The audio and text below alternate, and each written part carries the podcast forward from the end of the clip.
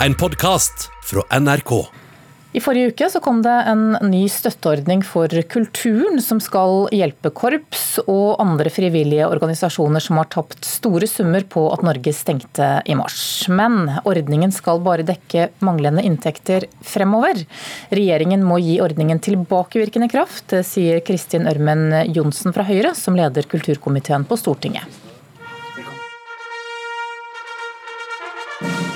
Disse ordningene må få tilbakevirkende kraft. Dette vil ikke bli vedtatt i Stortinget før en god stund ute i juni. Nå var det jo sånn at Den røde knappen den trykket Erna på 12. mars.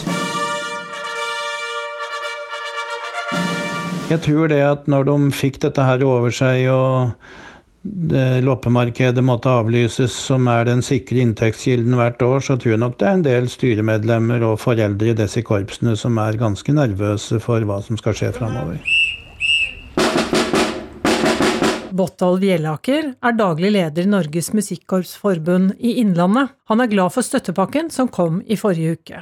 Men nå viser det seg at korps og kor og mange andre frivillige over hele landet likevel ligger an til å stå uten de inntektene de skulle hatt i tre måneder siden den 12. mars. Ja, det er det som det kan ligges opp til. Det er derfor det er så viktig for meg å få ut denne beskjeden da, også til og i dialogen med departementet at det må få tilbakevirkende kraft. Vi kan risikere at det er enkelte korps som kanskje må legge ned drift. Problemene rammer også andre, særlig litteraturhus og konserthus uten stor offentlig støtte, sier Kristin Ørmen Johnsen. Og litteraturhusene og konserthusene de har jo ikke de største aktivitetene midt i sommeren, det er jo gjerne på vårparten og på høsten.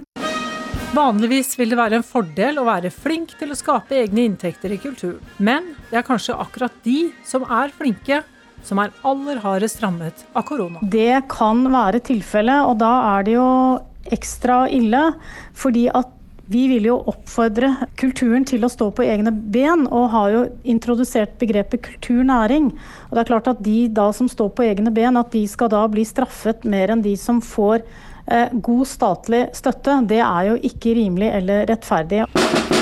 Kristin Ørmen Johnsen sitter på Stortinget for Høyre og har god tilgang til regjeringen, som bestemmer det hele. Blir ikke hjelpepakken endret så den dekker tapte inntekter fra mars, april og mai, da er den ikke mye verdt, mener hun. Hvis ikke de får dekket dette, så, så har jo ikke denne ordningen noe særlig verdi, når den ikke da har tilbakevirkende kraft.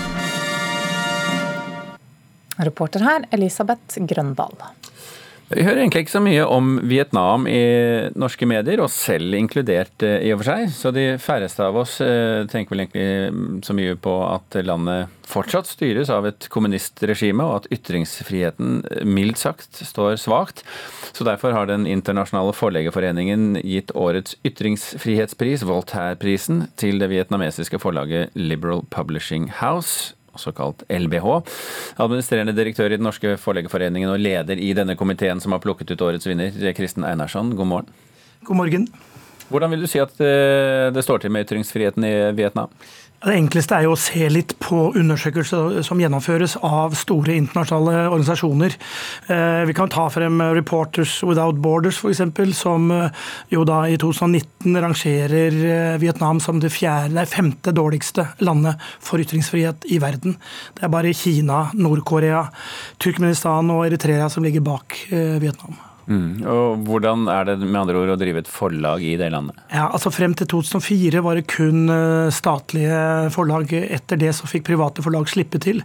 Men de slipper ikke inn i distribusjonskanalene. De må jeg tror de har seks ulike lisenser for å kunne utgi en bok, og så må de da sende eh, manuskriptet til sensur før det utgis. Så du kan si at det er ikke, det er ikke veldig fritt. Dette forlaget, LBH, hva slags forlag er det egentlig? Ja, altså, dette startet av aktivister for uh, halvannet år siden, og er en slags geriljaforlagsvirksomhet som jeg ikke har sett i verden før. Uh, de driver rett og slett og da utgir bøker, printer dem selv på printere. Det, er, det finnes en film på YouTube som viser hvordan de arbeider. Og det de rett og slett gjør, er at de må flytte hele tida, for politiet er etter dem. Det er, og det er ikke bare de som utgir, men også leserne. fordi at uh, politiet voldtar og arresterer. Hvis du blir, hvis du blir tatt å, med en bok fra LBH, så blir du fengslet. Mm. Eh, betyr det at denne prisen gjør det lettere for dem å være forlag, eller vanskeligere? Ja, Det er jo alltid det store spørsmålet vi som sitter i komiteen må tenke gjennom når vi gir en pris. Derfor så bruker vi mye tid i forkant på å gjøre undersøkelser, og vi bruker våre si, søsterorganisasjoner, som jeg, jeg nevnte, én i stad, Amnesty en annen, Freedom House. altså Vi bruker mye av kunnskapen deres, og vi har selvfølgelig direkte dialog med de berørte før vi bestemmer oss. Vi tror jo at oppmerksomhet er viktig, og derfor så vil vi som oftest falle ned på den, den siden av streken når vi sier at ja, det gjør vi. Vi vet vi eksponerer dem, de vet at vi gjør det. Vi har hatt dialog med dem i forkant. De vil dette. De har respondert på Facebook og Twitter i løpet av de siste 24 timene og er veldig glad for dette. Men betyr det på paradoksalt nok at dere nærmest ber om lov til å få lov til å gi dem en pris? Nei, det gjør vi aldri. Vi, vi, vi bestemmer oss til slutt uavhengig av det. Eh, ofte går vi gjennom eh, vår lokale forleggerforening, men det finnes jo ikke en i Vietnam.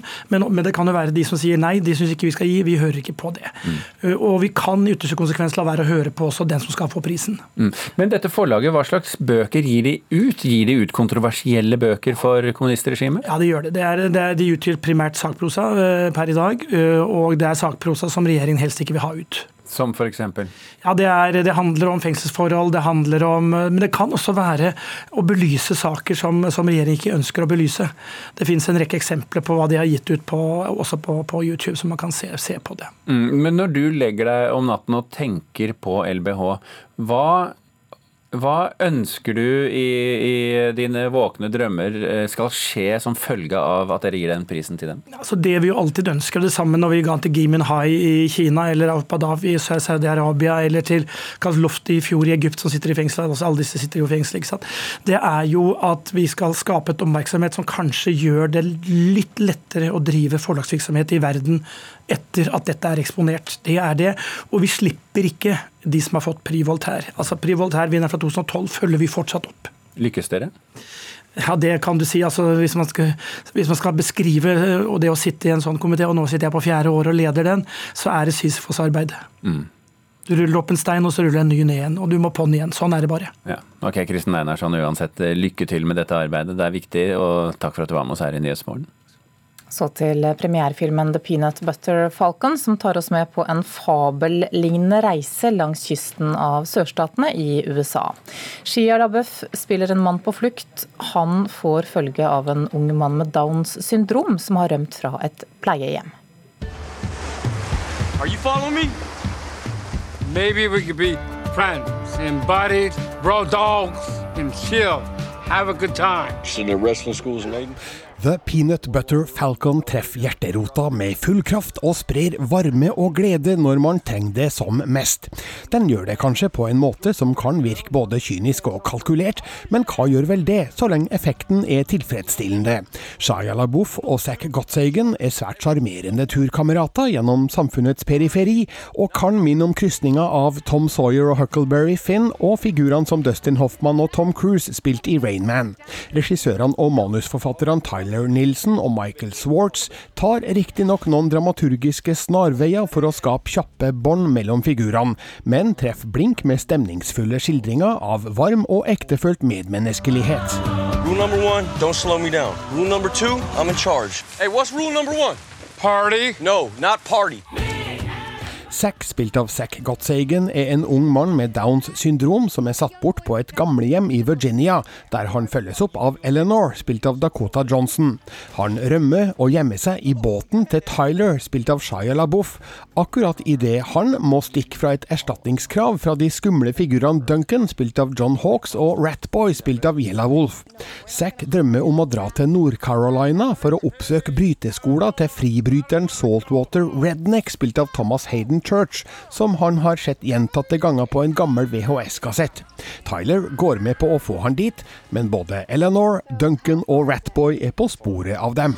I'm looking for a missing person. Have you seen him? Little man on a lamb. Met your girlfriend back there, Eleanor. Two bandits on the run. Oh yeah! Oh, yeah. Det er strålende underholdning og følg deres reise over elva, gjennom sumplandskap og sørstatenes glemte avkroker. For at denne historien skal fungere optimalt, må man likevel akseptere at det av og til går vel kjapt i svingene. Eksempel er Tyler i utgangspunktet dypt skeptisk til å ha sekk på slep, helt til han plutselig er svært så velvillig innstilt. Forklaringa på hvorfor Eleanor blir nødt til å lete etter sekk på egen hånd, virker ganske lite sannsynlig. Det samme gjelder flere tilfeldige sammentreff, samt noen emosjonelle bånd som knyttes på rekordtid senere i handlingsforløpet. Det her er likevel innvendinger man kan se bort fra, for det her er en fabellignende historie, der personkarakteristikkene og miljøskildringene er så fargerike, humørfylte og sjarmerende at de blender for eventuelle innsigelser. Samspillet mellom Shia LaBeouf og Zack Gottsagen er mildt sagt sjarmerende, og man opparbeider seg et stort håp om at det skal gå vel for figurene deres. Min påstand er at The Peanut Butter Falcon er den filmatiske lykkepilla du trenger akkurat nå. Wrestlers got alter egos. You need a name. Falcon. Peanut butter Falcon! Terningkast fem. Ja, det var vår kritiker Birger Vestmo som hadde anmeldt filmen. Den har norgespremiere i morgen. Du har hørt en podkast fra NRK. Hør flere podkaster og din favorittkanal i appen NRK Radio.